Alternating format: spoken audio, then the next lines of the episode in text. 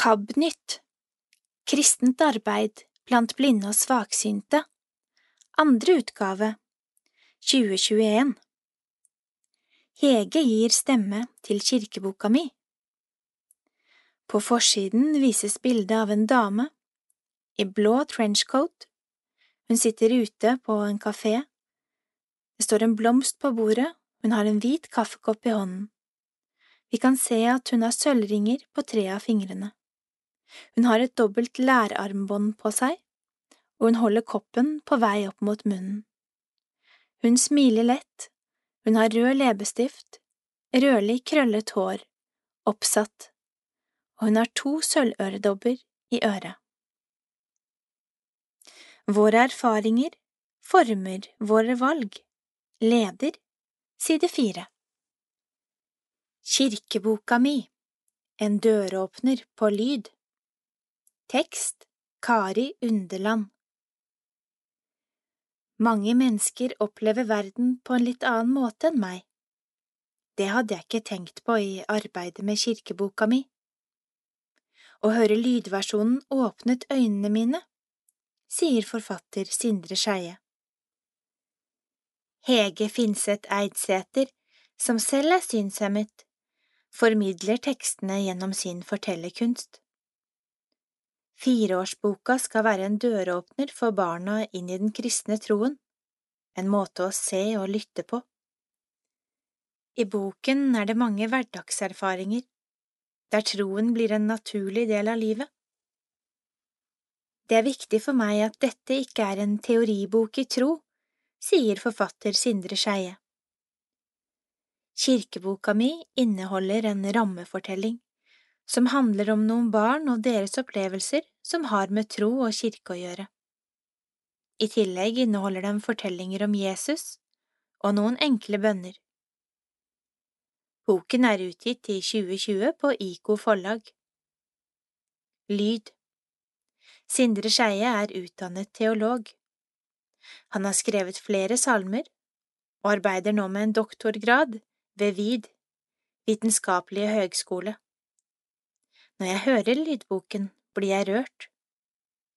Her har Hege Finseth Eidsæter gått skikkelig inn i teksten og satt seg inn i dybden av historien.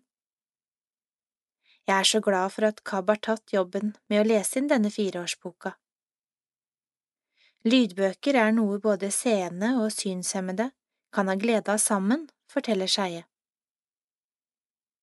Han har brukt mange av erfaringene med sine egne barn for å skape universet i boken.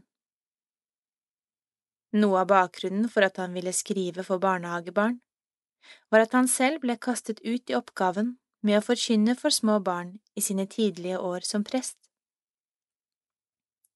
Det gjorde ham nervøs, men senere ble den delen av arbeidet det han verdsatte mest. Jeg ville lytte meg inn på hvordan et barn opplever verden vise hvordan det kan være spor av Gud i den verden som barna lever i.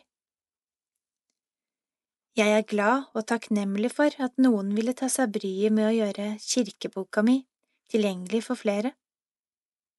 Det ble en tankevekker, noe jeg ikke har vurdert nøye nok i prosessen med å skrive boken. Mange mennesker opplever verden på en litt annen måte enn det jeg gjør.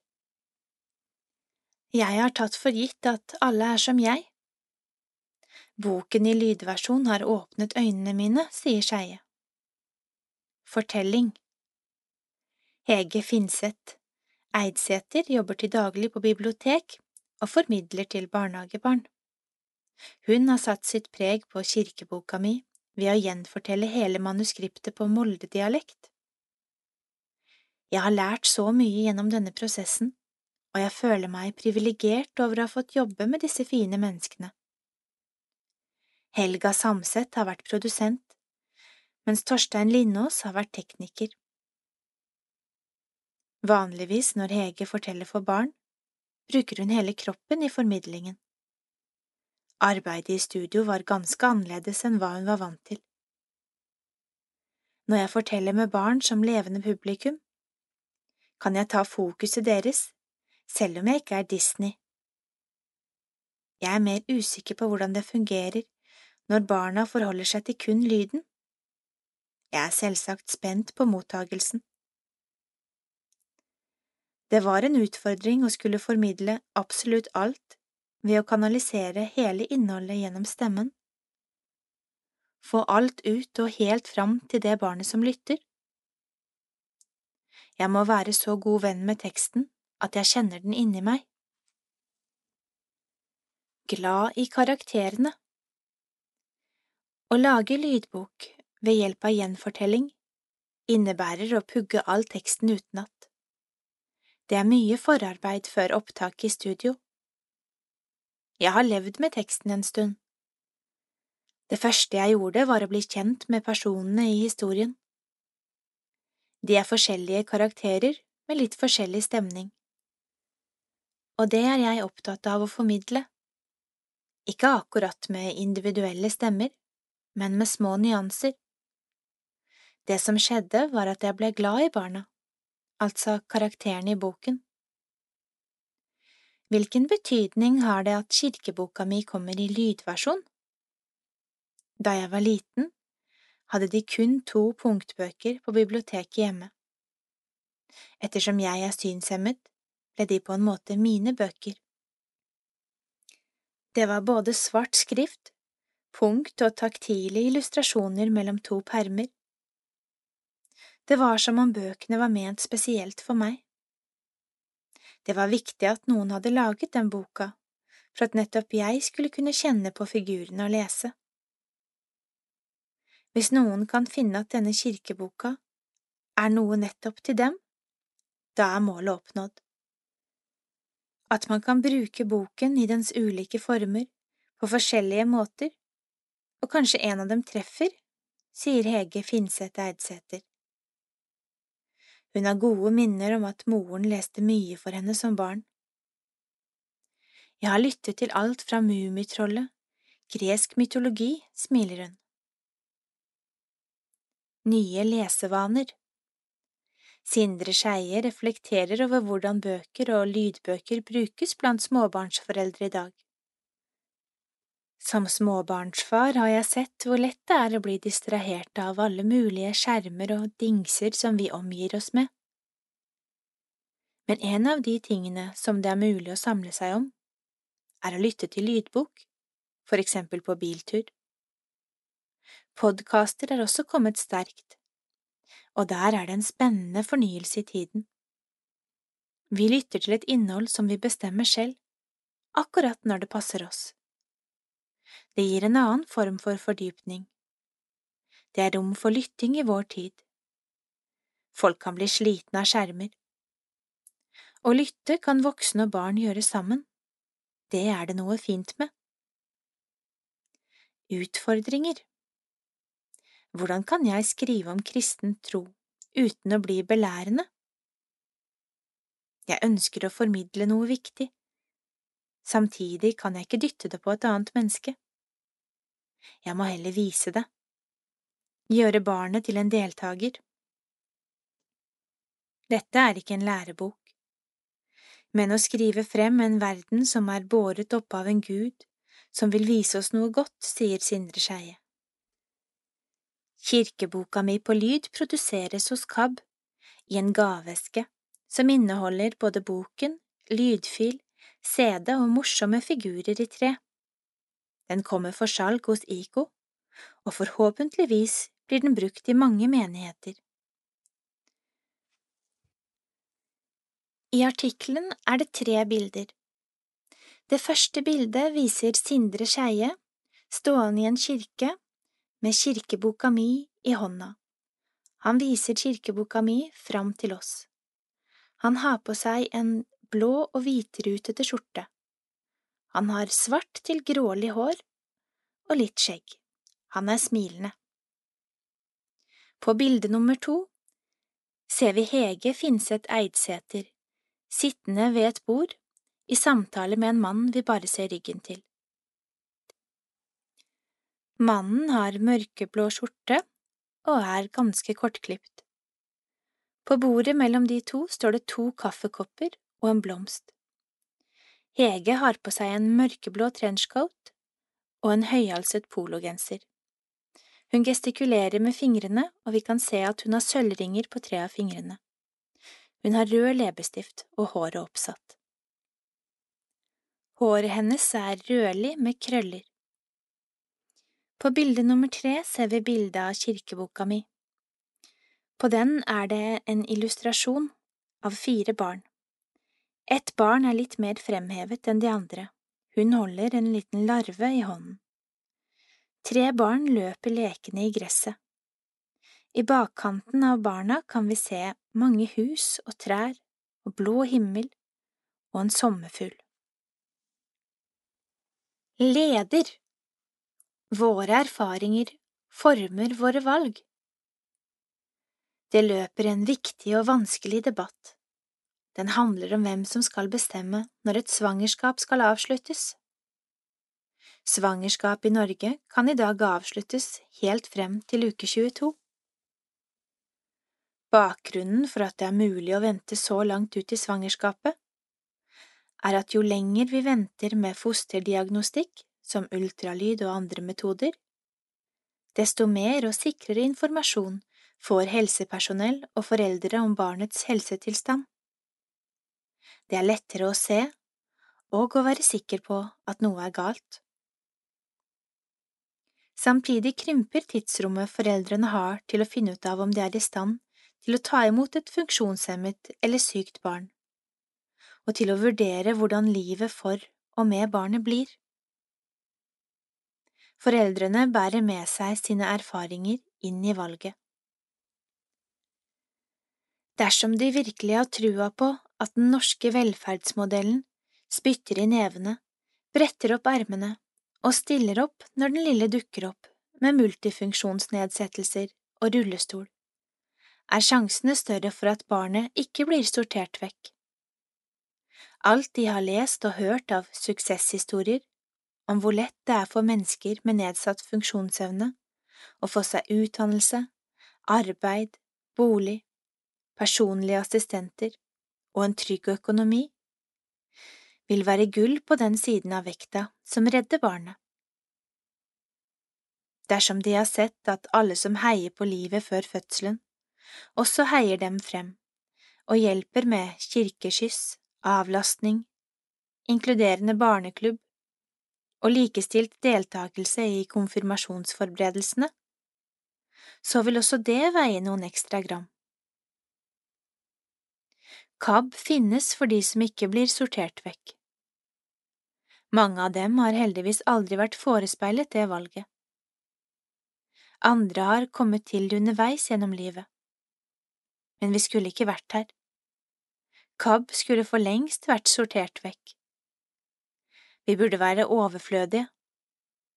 Da hadde det kanskje vært lettere for en god del foreldre som sitter med barnas liv i hendene, å velge livet. KABs eksistens er bygget på at mennesker med nedsatt funksjonsevne blir ekskludert og trenger bistand og tilrettelegging for å kunne delta på lik linje i samfunn og kirke.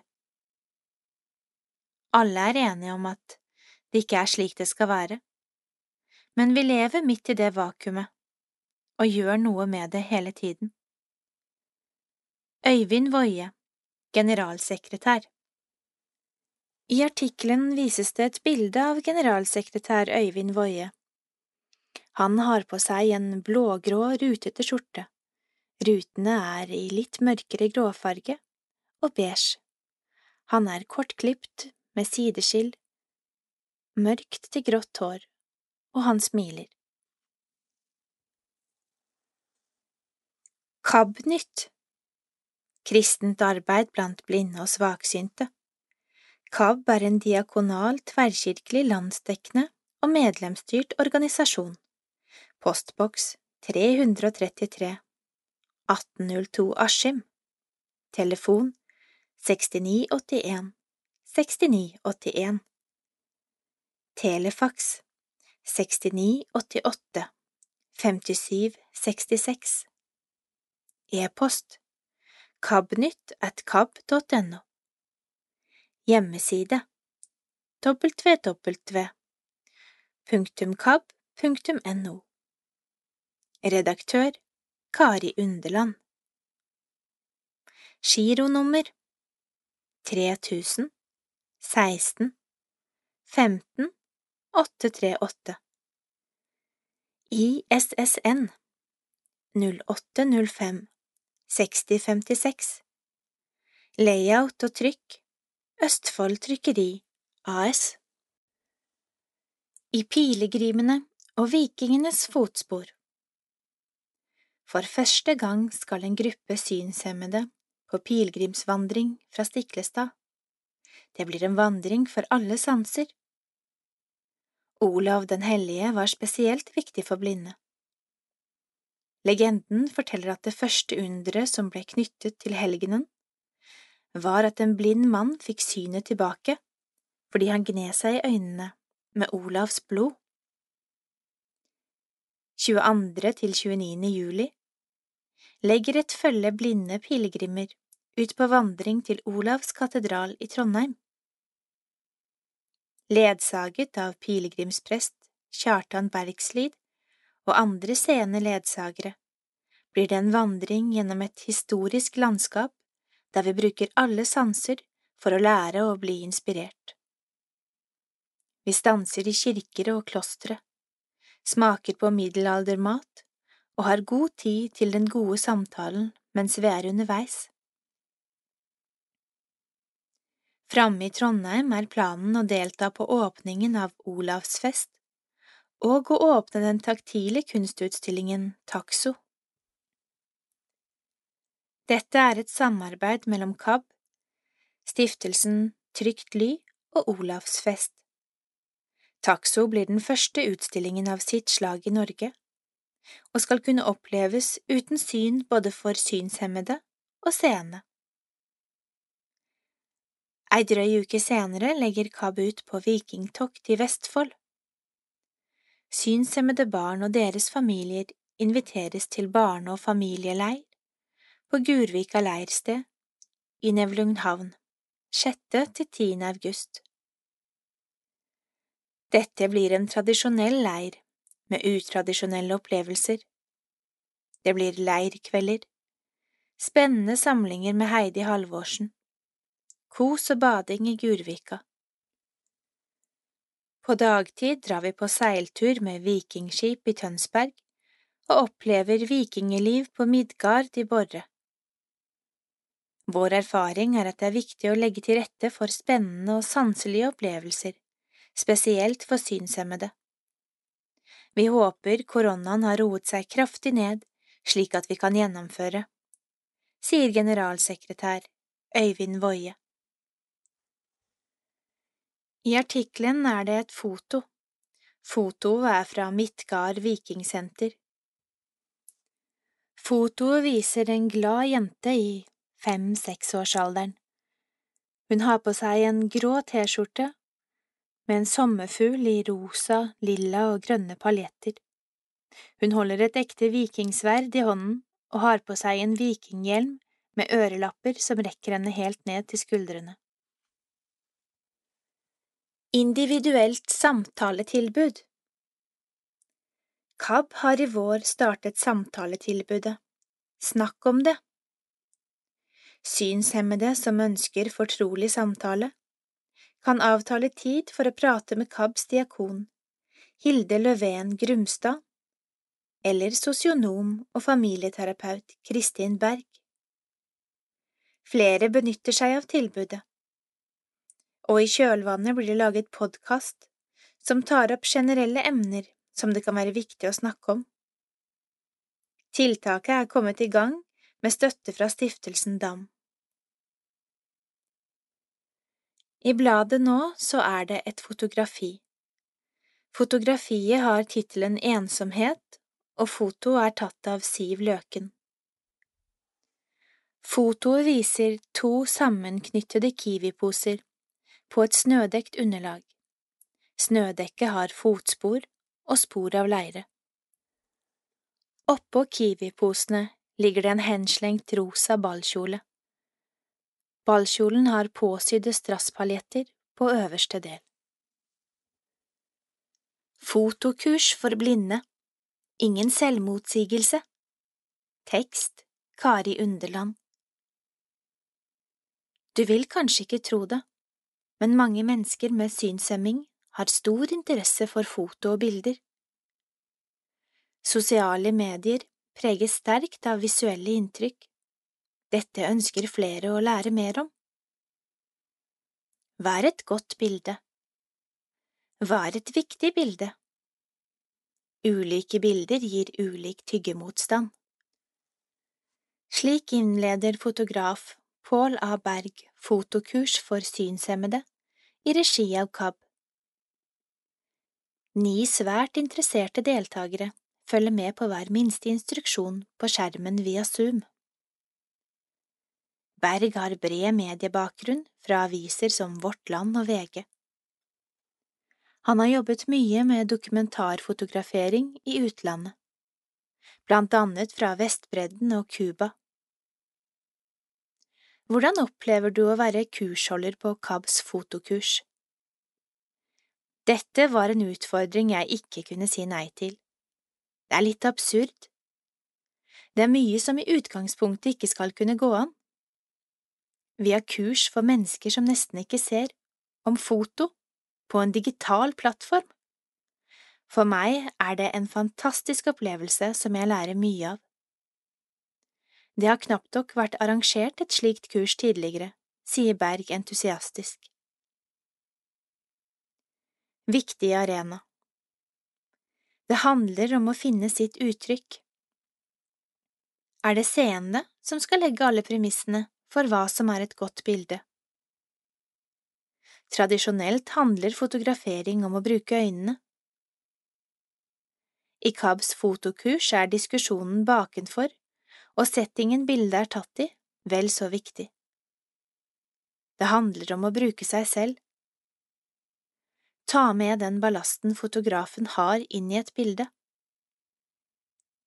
En synshemmet vil trykke på knappen en annen plass enn det en seende ville gjort. Selv i et samfunn som oversvømmes av foto fra alle bauger og kanter, trenger vi blinde og svaksynte sine bilder. Jeg vil gi denne gruppen selvtillit til å jobbe med sitt uttrykk, og det er utrolig stilig, sier Berg. Jeg håper vi skal få mulighet til å fortsette å utvikle interessen for foto hos blinde og svaksynte. Drømmen min er at disse unike bildene skal få skinne fra veggene i et fotogalleri. Kreativt Jeg har lært av kurset at man stadig kan overraske seg selv i arbeidet med oppgavene. Å være kreativ og utfordre seg selv er gøy, sier Siv Løken. Hun er en av deltakerne på kurset, der hun har jobbet med fotooppgaven Ensomhet. Jeg lurte lenge, men plutselig ramla det ned i meg hvordan jeg ville fotografere dette med ensomhet. Jeg ville si noe om ungdom og korona. Et skoleball som ikke ble noe av. En rosa ballkjole på noen søppelsekker ble min innfallsvinkel til bildet ensomhet. Dette har vært et kurs der en kan tillate seg å prøve. Selvopplevd Helena B. Redding har også arbeidet med temaet ensomhet. Hun tok med seg barnebarnet til en skole og brukte mye tid til å sette seg inn i skolegårdens kriker og kroker. Jeg har lært hvordan jeg kan fortelle en historie med bilder. Jeg må tenke, planlegge og være kreativ. Ensomhet har jeg illustrert med en ungdom i flere situasjoner i en skolegård. Jeg har selv opplevd hvordan det er for et barn i en skolegård å være annerledes og ikke ha venner. Fotoshooten ble en sterk og lærerik reise for meg og barnebarnet mitt sammen, sier hun. Pål A. Berg er fantastisk til å bygge selvtillit. Jeg var virkelig nervøs for å dele mine bilder. Jeg ser jo ikke om jeg treffer det jeg skal, eller om lyset blir helt feil. Han har en særegen evne til å se det magiske i alles bilder, synstolker og gir selvtillit til å fortsette å utvikle seg. I denne artikkelen er det tre bilder. Alle bildene er i svart-hvitt. Det første bildet viser en gutt i en skolegård. Han står på siden og vi ser ikke ansiktet hans. Han har på seg mørke klær og lue. Foran seg holder han en mobilitetsstokk. I bakgrunnen ser vi fotballmål og sykler. Bilde nummer to er også tatt i en skolegård. Vi ser skolebygningen i bakgrunnen og en gutt som sitter alene på en stor huske formet som et reir. Han sitter med ryggen mot oss og har på seg lue. Han ser ned. På bilde nummer tre ser vi et barn sitte inni et fotballmål. Barnet har ryggen plassert inntil stangen på målet. Barnet har fotsålene plassert ned i bakken og knærne trukket opp mot magen. Vi ser ikke ansiktet til barnet. Barnet har på seg lue og holder hendene foran ansiktet. I bakgrunnen ser vi bjørketrær og så vidt bakhjulet på en sykkel. Alle bildene har tittelen Ensomhet, og de er tatt av Helena B. Redding. Videokonferanse for blinde er en suksess. Hadde noen sagt til oss for ett år siden at videokonferanser skulle bli et av de viktigste verktøyene for å snakke med og møte blinde og svaksynte, så hadde vi ledd av det, sier KAB-general Øyvind Woie. Men tallene for 2020 er tydelige. Mer enn 70 digitale nettmøter og kurs, med over 1200 deltakere. Nesten alle her til lands har kommet seg over én eller flere digitale terskler i løpet av det siste året. For å kunne møte arbeidskollegaer har mange blitt kjent med Teams, og for å delta i gudstjeneste har videostrømming på sosiale medier blitt et must. Fellesskap Veldig mange har etablert nye kontakter og fellesskap gjennom små og store skjermer. Jeg har en teori om at synshemmede kanskje er spesielt godt rustet for dette, der mange er vant til å være i fellesskap med andre i samme situasjon ved å bruke teknologi. Før laget vi kassetter med programmer som ble spilt av på kassettspillerne til ulike tidspunkt. Likevel opplevde mange et unikt fellesskap og en opplevelse av å dele noe ved å lytte til det samme og sende hverandre hilsener. Ved hjelp av tekniske hjelpemidler som leselister og talesyntese er mange synshemmede dyktige databrukere. Samtidig er videoverktøyene tilgjengelig rett i hånda gjennom mobiltelefonen. Variert tilbud KAB har òg gitt tilbud om alt fra seminar med Ingvard Wilhelmsen, med 500 deltakere, til bibelgrupper for en håndfull sjeler som samtaler om søndagens tekst. Akkurat nå har vi nettfotokurs for ni blinde og svaksynte fotografer. Det er både banebrytende og utfordrende. Noen av kursene innen psykisk helse har utviklet seg videre til samtaletjenester der de som ønsker det, kan booke samtaletid med diakonen vår. Vi har hatt forfattermøter og sommerfrokoster. Med støtte fra Stiftelsen DAM har vi fått en fantastisk pangstart, forteller Voie. Likestilling Også i Norges Blindeforbund merker de at digitale medier gir nye muligheter for synshemmede. Da vi fikk område oss etter at alt måtte stenge ned, snudde vi fokus og tenkte, hva er det vi kan gjøre? Hva kan vi gjøre annerledes for å få gjort det vi skal? Blindeforbundet er jo til for å bedre samfunnet for synshemmede. Da måtte vi bruke de mulighetene vi hadde. Vi skjønte fort at webinarer er en fin måte å nå ut til folk. En del webinarer vil vi nok fortsette med. Men vi vil også gå tilbake til tradisjonelle seminarer, forteller forbundsleder Terje André Olsen. Har møtepunktet på nett noe å si for økt likestilling? Det er ikke godt å si. En del som jobber hjemmefra digitalt, opplever at noe deltakelse og tilgang til informasjon er lettere, men det forutsetter at møter og verktøy er universelt utformet, og at man er komfortable med å bruke dem.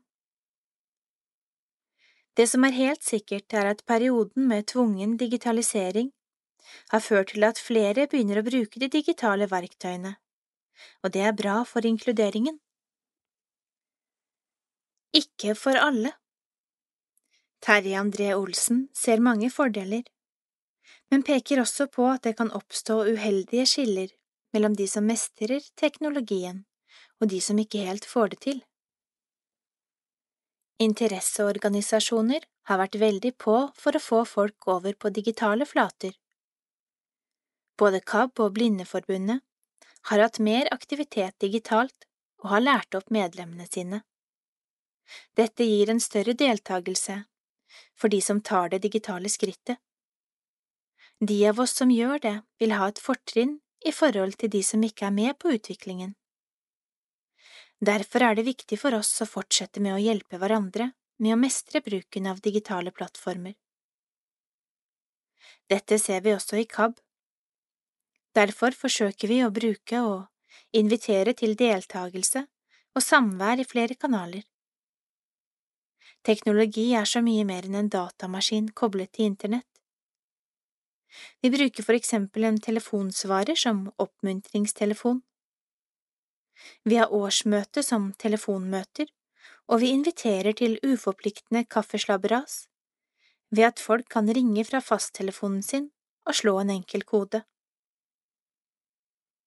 Dette er også digitale fremskritt der vi skaper nye fellesskap som gir styrke og inspirasjon i hverdagen, avslutter Woie. I artikkelen er det bilde av en dame. Hun har ansiktet rettet mot oss, og bak henne står det en person og holder hendene sine foran øynene hennes. Hun har mørkt hår, og bakgrunnen bak henne er svart og noe uklar.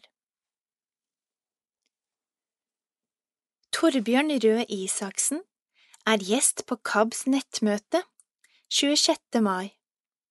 Synshemmede i arbeidslivet har vært tema for flere nettmøter hos KAB det siste året.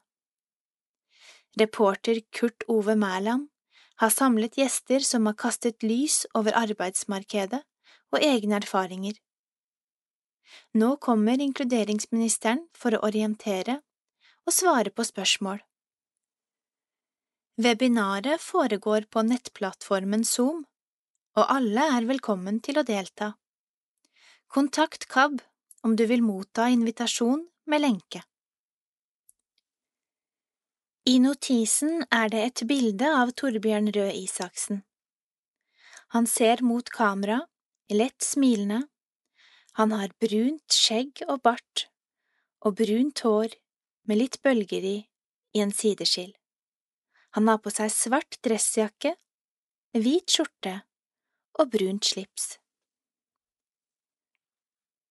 Kaffeslabberas hos KAB har du lyst til å prate uformelt på telefonen? KABs likepersoner har åpen telefon hver torsdag og søndag klokken 19. Tilbudet har kommet i gang etter at KAB har sett behovet for at mange som har lavere kompetanse på data, trenger noen å snakke med. Vi kaller det kaffeslabberas. Og telefonnummeret er 21 98 42 00. Når du blir bedt om å taste kode, taster du 6981 6981. I notisen er det bilde av en hvit kaffekopp på et litt slitt, hvitt brett med brune merker. Du kan se at det helles kaffe i kaffekoppen. Brettet står på et brunt underlag. Vips din gave til KAB. Synes du KAB gjør et viktig arbeid? Vi har fått til mye det siste året, takket være støtte fra trofaste givere. Men vi trenger enda flere med på laget. Blir du med i KABs heiagjeng, som tar ansvar for at blinde, svaksynte og mennesker med lesevansker kan få like gode muligheter innen kirke og kristenliv som alle andre? Vips din gave til nummer 20729 Myten om alt de blinde går glipp av. Innspill av Heidi Halvorsen Skribent i Synlige stemmer Hvor viktig er det egentlig å se? Er det sant at 80 prosent av alle sanseinntrykk kommer gjennom synet? Hva betyr i så fall det? Og hva med blikkontakt? Er det mulig å utvikle en sterk og sunn tilknytning mellom forelder og barn uten syn? For noen uker siden hørte jeg et program på TV-en, en påstand jeg har hørt mange ganger før. Påstanden om at 80 prosent av alle sanseinntrykk kommer gjennom synet. Som blind kom derfor neste tanke, ganske naturlig. Mener de som sier dette, at jeg som blind bare får med meg 20 prosent av det som kan oppfattes rundt meg? Er min virkelighetsoppfatning basert på kun bruddstykker og brokker av det som faktisk skjer? Jeg har tenkt mye på dette i etterkant. Slik påstanden oftest blir brukt, høres det sånn ut. Jeg har nok også selv ubevisst tenkt i de baner, noe som i mange situasjoner gjør at jeg føler meg uvitende og inkompetent. Ved nærmere ettertanke er jeg derimot ganske sikker på at dette ikke stemmer. Jo, for en med alle fem sansene intakt kan det nok stemme at så mye som 80 prosent av sanseinntrykkene kommer gjennom synet men det betyr bare at synet er en så dominerende sans at den overdøver de andre. Ikke at de andre sansene gir dårligere informasjon. De roper kanskje bare ikke så høylytt som synssansen. Jeg spurte en synspedagog om akkurat dette.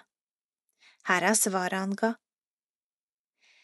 Det er de som ser som går glipp av noe, ikke du. Med det mente han at jeg som blind utnytter de andre sansene langt bedre enn en som ser. Det betyr ikke at blinde hører bedre enn andre. Vi har bare utviklet evnen til å nyttiggjøre oss av lydene som gir informasjon. Et enkelt eksperiment du kan forsøke for å teste det ut, er dette. Lukk øynene i et par minutter.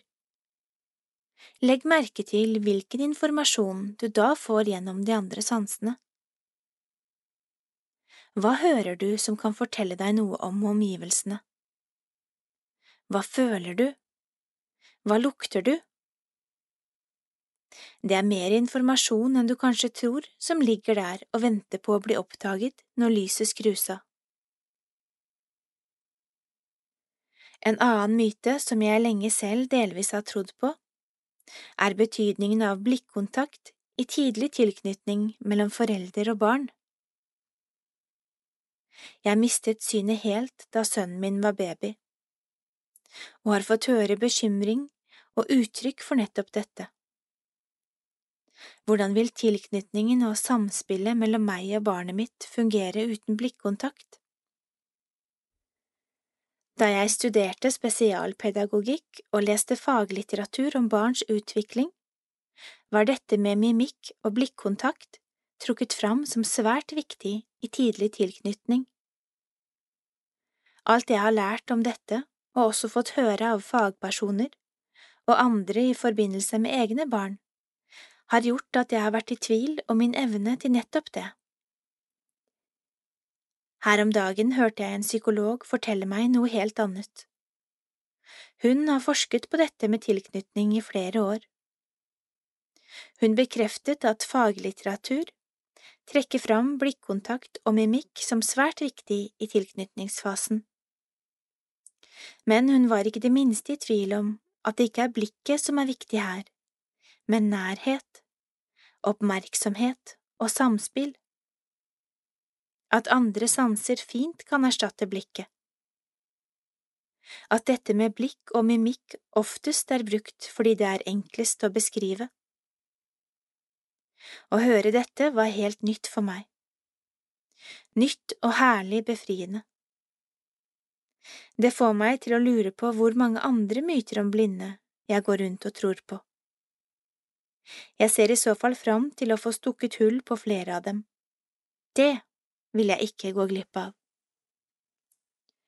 I artikkelen så er det bilde av Heidi Halvorsen. Bakgrunnen er sløret, men det kan se ut som det er vann bak. Hun står og ser sidelengs. Hun smiler bredt. Hun har mørkt hår til skuldrene. Hun har på seg en mellomblå og lyseblå prikkete overdel, hvor hun har en svart jakke oppå, den svarte jakken har to hvite striper. Hun har et stort sølvsmykke i halsen. Kjøp lydbøker fra KABs lydbokbutikk, da støtter du KABs arbeid. Lydbokbutikk.kab.no Klikk på bøkene, betal med VIPS. Last ned bøkene til din mobiltelefon eller PC. Gode priser. I reklamen er det bilde av fem bøker som står inntil hverandre, med hodetelefoner strukket over bøkene. Videre er det reklame for forskjellige bøker. Den første boken heter Ulykkelig fred. Den koster 149 kroner. Framsiden av boken er rød og svart-hvitt og viser et norsk flagg svaiende i vinden, sammen med noen trær og greiner. Den andre boken heter Stillhetens land. Den koster 169 kroner. Den viser en dame i rosa kjole og rødt slør hun står med ryggen mot oss og ser utover et eh, frodig landskap i solnedgang. Boken er skrevet av Tessa Afshar. Den neste boken er skrevet av Peter Halldorf. Den heter Fuglene synger ikke lenger. Den koster 149 kroner. Boken er gul og oransje. Den neste boken heter Minutter med Jesus. Det er en rød bok med et svart emblem på. Neste bok er Det nye testamentet. Den er på nynorsk, og den koster 299 kroner. Boken er lyse lilla, med et kors som er i mørkere lilla farge, med en lyselilla og hvit ramme som følger rundt korset. Neste bok heter Matteus, Markus, Lukas, Johannes. Bibelen. Boken er rød og blå med svarte, utydelige streker på. Neste bok er En dag i Herrens forgårder. Den koster 200 kroner. Den viser to munker som ser ut til å stå og slå på noe nede på bakken med hammer og et annet slags redskap. Videre står det på boken Med munkene på Hovedøya 1. august 1197. Den siste boken heter Camillas venn. Den er av Kari Vinje og koster 100 kroner. Boken har en illustrert forside som viser to barn. En stor gutt med hvit bukse og grønnstripete genser og rødt hår. Ved siden av han står en jente i hvit kjole med lyst hår og røde sløyfer. Imellom seg holder de en rosa, smilende drage. Begge barna er glade. I bakgrunnen av barna ser vi et rødt hus og to store trær og en solfylt himmel. Hos Storytel finner du hele Bibelen på lyd. sammen med mange andre lydbøker fra KAB. Hver gang du laster ned og leser KABs bøker i Storytel, gir det inntekter til KABs arbeid, blant annet til syns- og lesehemmede. I denne reklamen er det bilde av Bibelens skrifter 1, Det gamle testamentet, første Mosebok. Boken er eh, rødlig i utformingen, hvor det er brunrødt på toppen og lysere rød og hvitt nederst, med et abstrakt mønster. Den viser fire kors som står ovenfor hverandre, en på hver side, en over og en under, som til sammen former et stort kors. Alltid ledig ytterst Siden sist av Hilde Løvlen Grumstad, organisasjonsdiakon i KAB. Unnskyld, er det ledig her?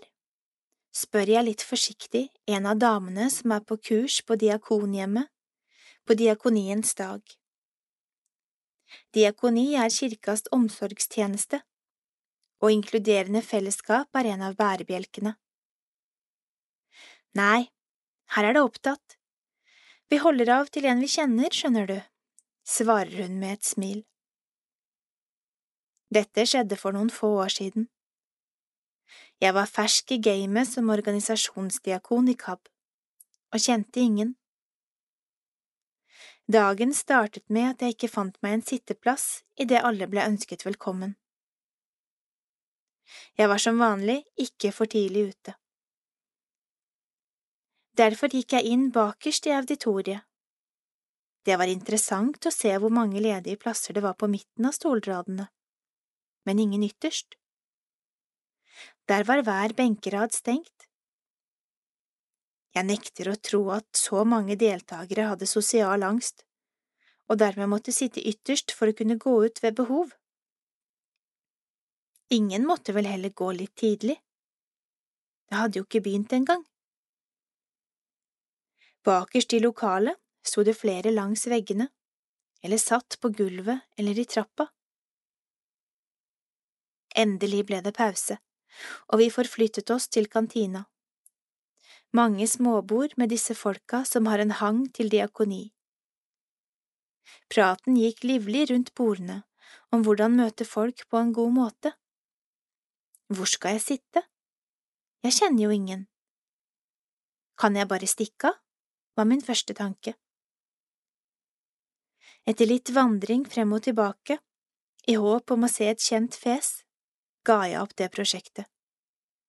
Det var nok bare å spørre om en plass. Og svaret jeg fikk, har du allerede hørt. Og det skjedde ikke bare én gang.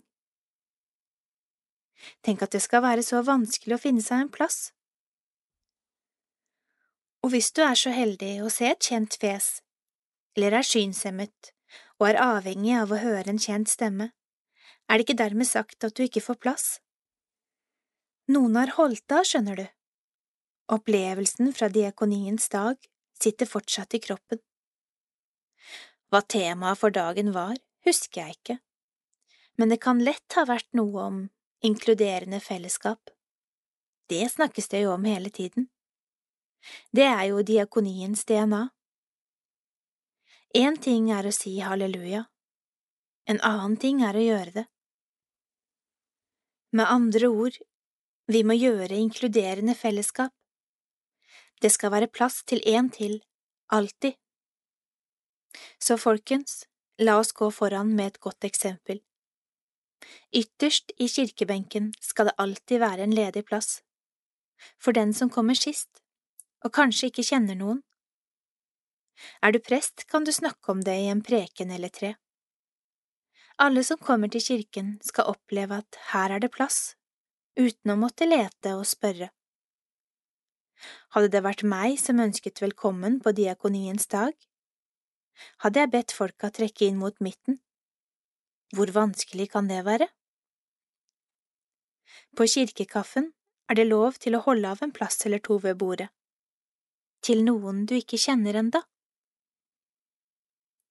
I artikkelen er det bilde av Hilde Grumstad. Hun ser mot oss smilende Hun er kortklipt og har brunt hår.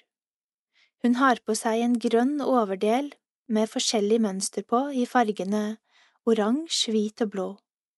Hun har et stort sølvkors rundt halsen.